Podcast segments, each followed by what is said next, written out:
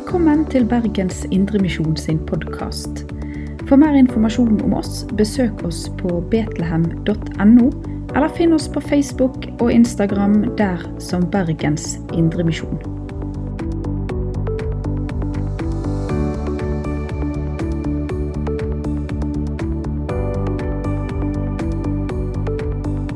Da syns jeg det er kjempebra at alle som har fått en fireårsbok eller bibel i dag, sitter og ser litt på den og sånt. Men akkurat nå så har jeg lyst til at alle skal følge med på hva jeg snakker om her framme. Så jeg lurer på, kan dere legge de bøkene under stolen akkurat mens vi snakker? Og så kan dere bare finne de fram etterpå. Det pleier ofte å være en kjempelur idé. Eh, I dag eh, så kommer vi til å snakke litt om det som vi har snakka med på leir. Eh, fordi der har vi bl.a. snakket litt om å være detektiver. Er det noen av dere som syns det er kjekt å være detektiv? Gå og kanskje luske litt på andre. Eller kanskje noen har gjort det så langt at de har sånne walkietalkie som vi kan snakke med hverandre og sånt. Eller så vet jeg at det fins feller som går an å liksom fange de voksne i. Eh, så begynner det å yle veldig og sånt. Ja. Men det er ikke sånn type vi skal gjøre. Vi skal lete litt etter spor, er rett og slett det vi skal gjøre i dag. Eh, og spor etter Gud. Eller spor etter at Gud virker i livene våre. Eller at Gud har virka i de menneskene vi kan lese om i Bibelen. Så vi har snakka om dette på leirene, og så kommer dere til å få med dere sånn kortversjonen av det. Eh, men en plass vi kan lete etter spor etter Gud, da er i naturen. Noen blir veldig sånn der eh, når de ser sånn storslått natur, sånn høye fjell og masse skog, og kanskje blikkstille vann, da er det litt sånn wow-effekt. Mens jeg tror jeg er enda mer fascinert av Gud jo mer jeg lærer om hvordan vi menneskene og plantene er bygd opp. Når vi går ned på sånn mikro-mikro, bitte lite. Så en forstørrelse av et blad viser om et sånt nettverk av fine årer og sånt. Og hvordan Gud har bygd opp hver enkelte lille ting. Og vet dere hva jeg tenkte, tenker opp òg? At vi kanskje har spor av Gud når jeg ser hver enkelt av dere. Fordi dere er skapt på fantastisk vis, akkurat sånn som Gud ville alle sammen, både store og små. Og så er vi skapt i Guds bilde. Og så har jeg tenkt på én ting. Da er at har du tenkt på, Hvis du tar for et lite kutt i fingeren din, da tror jeg faktisk alle kan ha klart. Mer eller mindre. Og så går det, Hvis det er et lite kutt, så går det et par dager, så har det kanskje grodd igjen. Hvis det er et litt større og dypere kutt, så tar det litt lengre tid. Men tenk på det, at kroppen kan helbrede seg sjøl. Det må være en genial fyr bak det der. sant? Og han er allmektig Gud, han som har skapt oss. Og så har vi på en måte hatt leir og snakket om at Gud setter spor. Og så satt jeg faktisk oppe på kontoret mitt i går kveld etter leir eh, og skulle bare se gjennom dette og lage ferdig powerpointen. Og så satt jeg liksom og tenkte hm, hvordan kan jeg på en måte konkretisere at Gud viser, setter spor i naturen? Og så mens jeg tenkte, så kikket jeg ut vinduet. Ser dere hva jeg så? Dette ut fra kontorvinduet mitt i går kveld ca. halv sju. Og så tenkte jeg Wow! Regnbuen! Ja, den er jo et kjempetydelig tegn, eller spor etter Gud, som vi kan se i dag. Og så er det litt sånn at Regnbuen kanskje har blitt liksom tatt til inntekt til litt forskjellig i det siste. Men det jeg tenker er viktig for oss som vil tro på Jesus, det er å huske at det er Gud som skapte regnbuen. Og så ga han oss menneskene et viktig løfte. Fordi at etter Abraham, nei, Abraham ja, Noah hadde eh, fått alle dyrene og familien inn i arken. sant? Han hadde bygd den store båten. Og så var de der inne i båten lenge. Og så til slutt så sank vannet.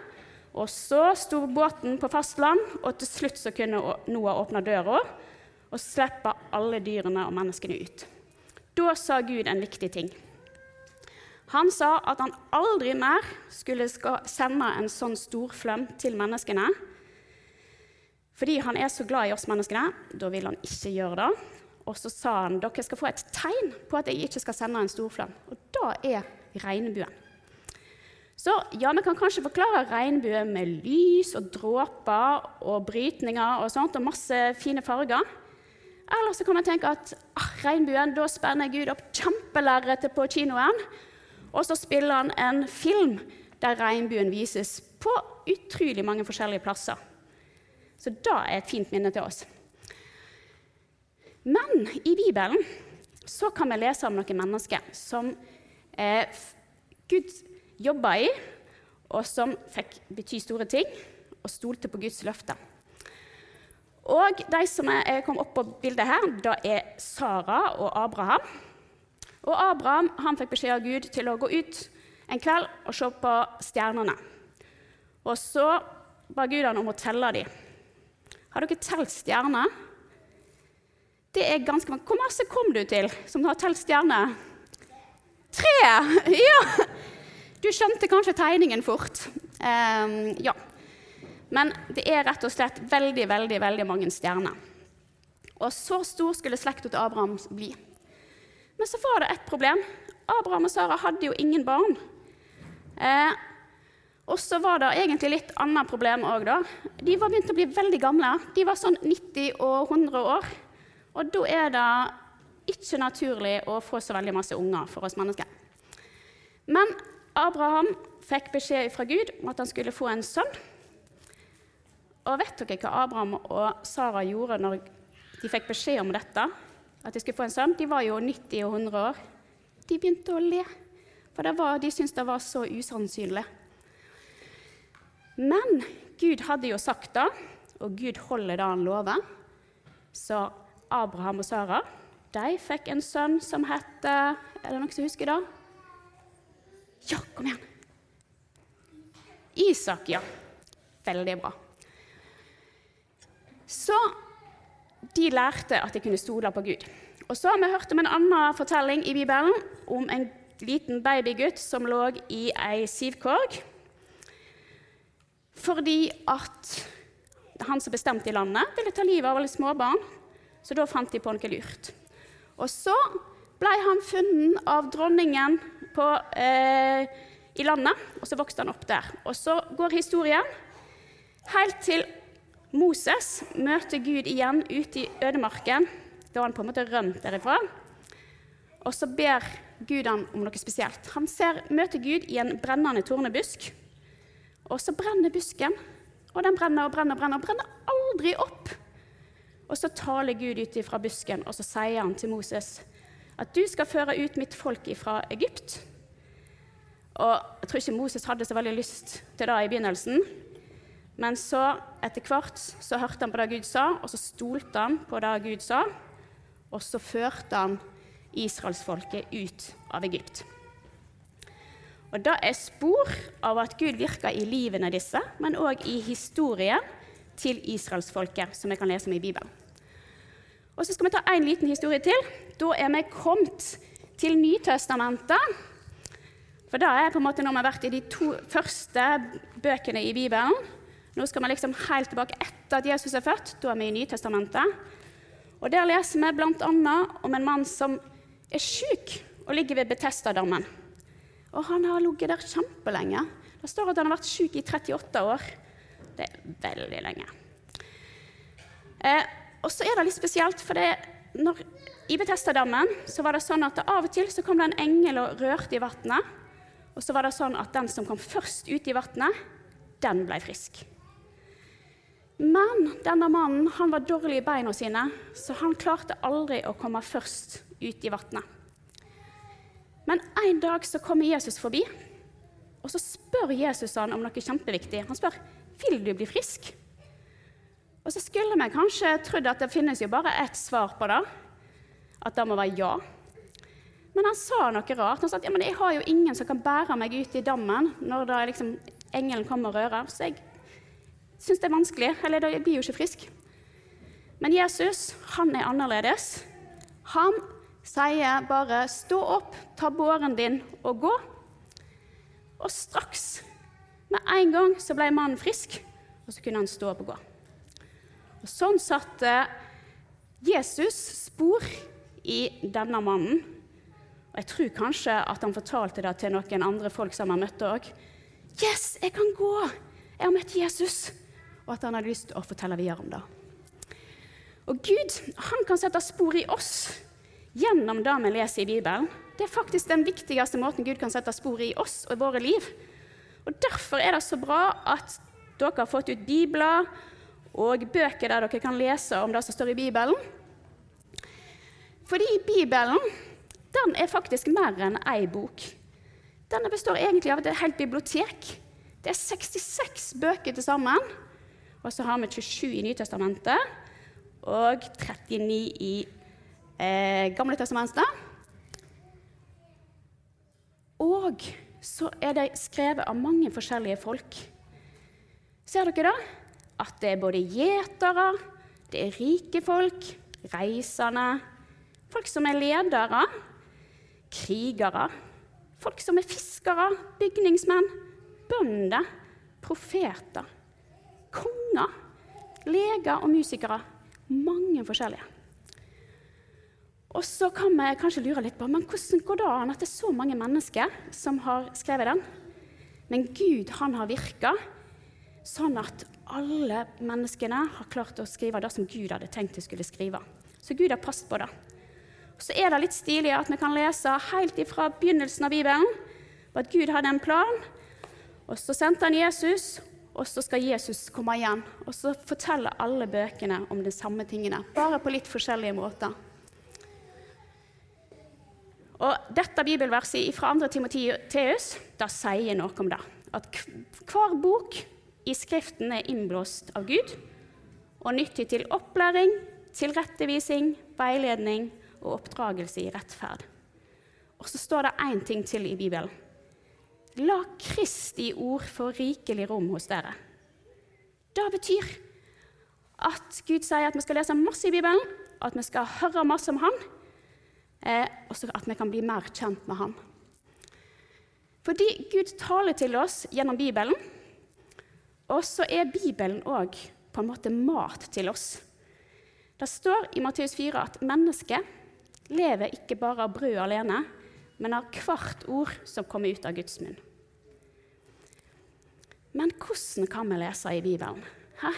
Eller hvordan vi kan lese i fireårsboka vår, eller Barnebibelen? For det fins så veldig mange forskjellige versjoner av Bibelen. Ser dere det? Og den som er nederst til høyre her, da er den boka som fireåringene kom, har fått i dag, som heter 'Lær dem å takke'. Den tar utgangspunkt i et bibelvers om å takke. Og så er det en forklaring til det, forslag til bønner, og så er det en aktivitet, sånn at en lettere kan lære seg å huske ting. Og så Eh, er det kanskje noen som syns det er kjekkere med en actionbibel?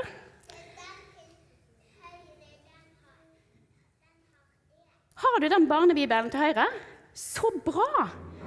Da håper jeg at alle som har en barnebibel, og husker å lese i den. For her ser dere enda flere bibler. Og så har jeg faktisk tatt med meg ser dere, Noen ser det, og noen ser det ikke. Men her bak på bordet der har jeg vært rett og slett på kontoret som står tomt for tida. Og så lånt med noen bibler. Og jeg tror jeg skal ta den. Oi! Ser dere denne bibelen her? Dette er en husbibel fra 1899. Så den er 120 år gammel. Det er litt stilig. Og så kan noen av oss være glad for at vi kan finne ting på iPad eller på en mobil eller sånt, når vi skal bære dette. Eh, men det er lov til å gå fram her og kikke forsiktig i disse bøkene etterpå. Eh, og det er lurt å ha med en voksen, iallfall når dere skal se på de gamle bøkene her. Og så her er en vanlig bibel. Og den er så gammel at jeg tror den sida der forteller når den ble trykt, den er borte. Men at denne er mer enn 100 år, det er jeg iallfall helt sikker på. Eh, det er kanskje noen her som vet hvor gammel den egentlig er, men den er kjempegammel.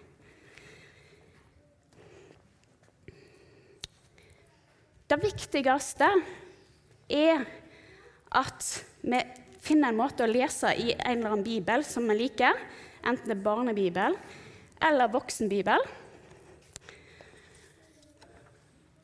Og da kan det være lurt å ha en bibelleseplan. Så da har jeg lagd faktisk De ligger ute på disken der. Så alle som har lyst til, kan ta med en bibelleseplan når de går hjem i dag. Og den er litt sånn fin at den kan virke både for store og små. Der man liksom har 'Finn i barnebibelen'-tema. Og de som bare har lyst til å lese ett vers i Bibelen, da er det ei kolonne. De som har lyst til å lese sånn åtte-ti vers som handler om dette, kan lese det. Og så er det liksom kolonner for mest. Da står det gjerne både flere kapittel og noen andre bibelhenvisninger, som kan være til de voksne. Så det kan være lurt eh, å ha en eller annen versjon av bibelleseplanen. Men så er det én ting som er viktig, og det er at ikke vi bare leser, men at vi òg gjør og følger det som det sier. I Jakob 1,22 så står det dere må gjøre det ordet sier, ikke bare høre det. For eksempel, hvis du skal kjøre opp til bil, det er kanskje litt lenge for noen av dere å vente til det, og noen har aldri gjort det. Men jeg blir ikke en god sjåfør hvis jeg bare sitter inne og leser trafikkregler, men aldri er ute i trafikken og prøver å kjøre. Jeg blir heller ikke en god eh, sjåfør hvis jeg går rett ut og kjører bil uten å ha lest trafikkreglene. For det er litt dumt å kjøre på venstre side i trafikken her i Norge når vi har høyrekjøring. Fordi jeg har faktisk vært og prøvd meg på venstrekjøring, og det går ganske bra. Første dagen så tenker en venstre, venstre, venstre. Jeg liksom må holde meg til venstre. Jeg var i Australia og hadde kjørt hele dagen første dagen. Kom inn i en by og skulle liksom ut av den, litt sånn svett og varm. Og så uten å tenke meg, så tar jeg av, og så kjører jeg hele sånn gata eller sånt inn i en by på feil side av veien. Eh, fordi det sitter sånn i, i eh, kroppen for å ha kjørt lenge. Så jeg kommer liksom helt til krysset, og så bråbremser jeg, for da skjønner jeg at jeg står helt feil plassert. Um, så da er det liksom bare å stå stille der, og så må trafikken rundt bare gå seg til.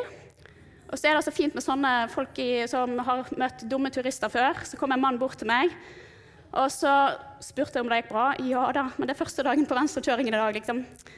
Så sier han liksom at ja, jeg skal hjelpe deg ut. Så stopper han litt sånne biler. Og så har han en veldig hyggelig hilsen til meg. Try not to kill anyone today. Det betyr prøv å ikke ta livet av noen i dag. Eh, så da prøvde jeg på, og det gikk bra.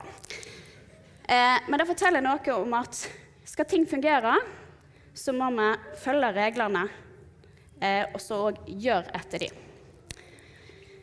Og nå er vi snart ferdig, men det er en fortelling i Bibelen som handler om å høre og gjøre. Og den er fra Matteus 7. For hver den som hører disse mine ord og gjør det de sier, ligner en klok mann som bygde huset sitt på fjell. Regnet styrtet, elvene flommet, og vindene blåste og slo mot huset. Men det falt ikke, for det var bygd på fjell. Og hver den som hører disse mine ord og ikke gjør det de sier, ligner en uforstandig mann som bygde huset sitt på sand. Regnet styrtet, elvene flommet, og vindene blåste og slo mot huset. Da falt det, og fallet var stort.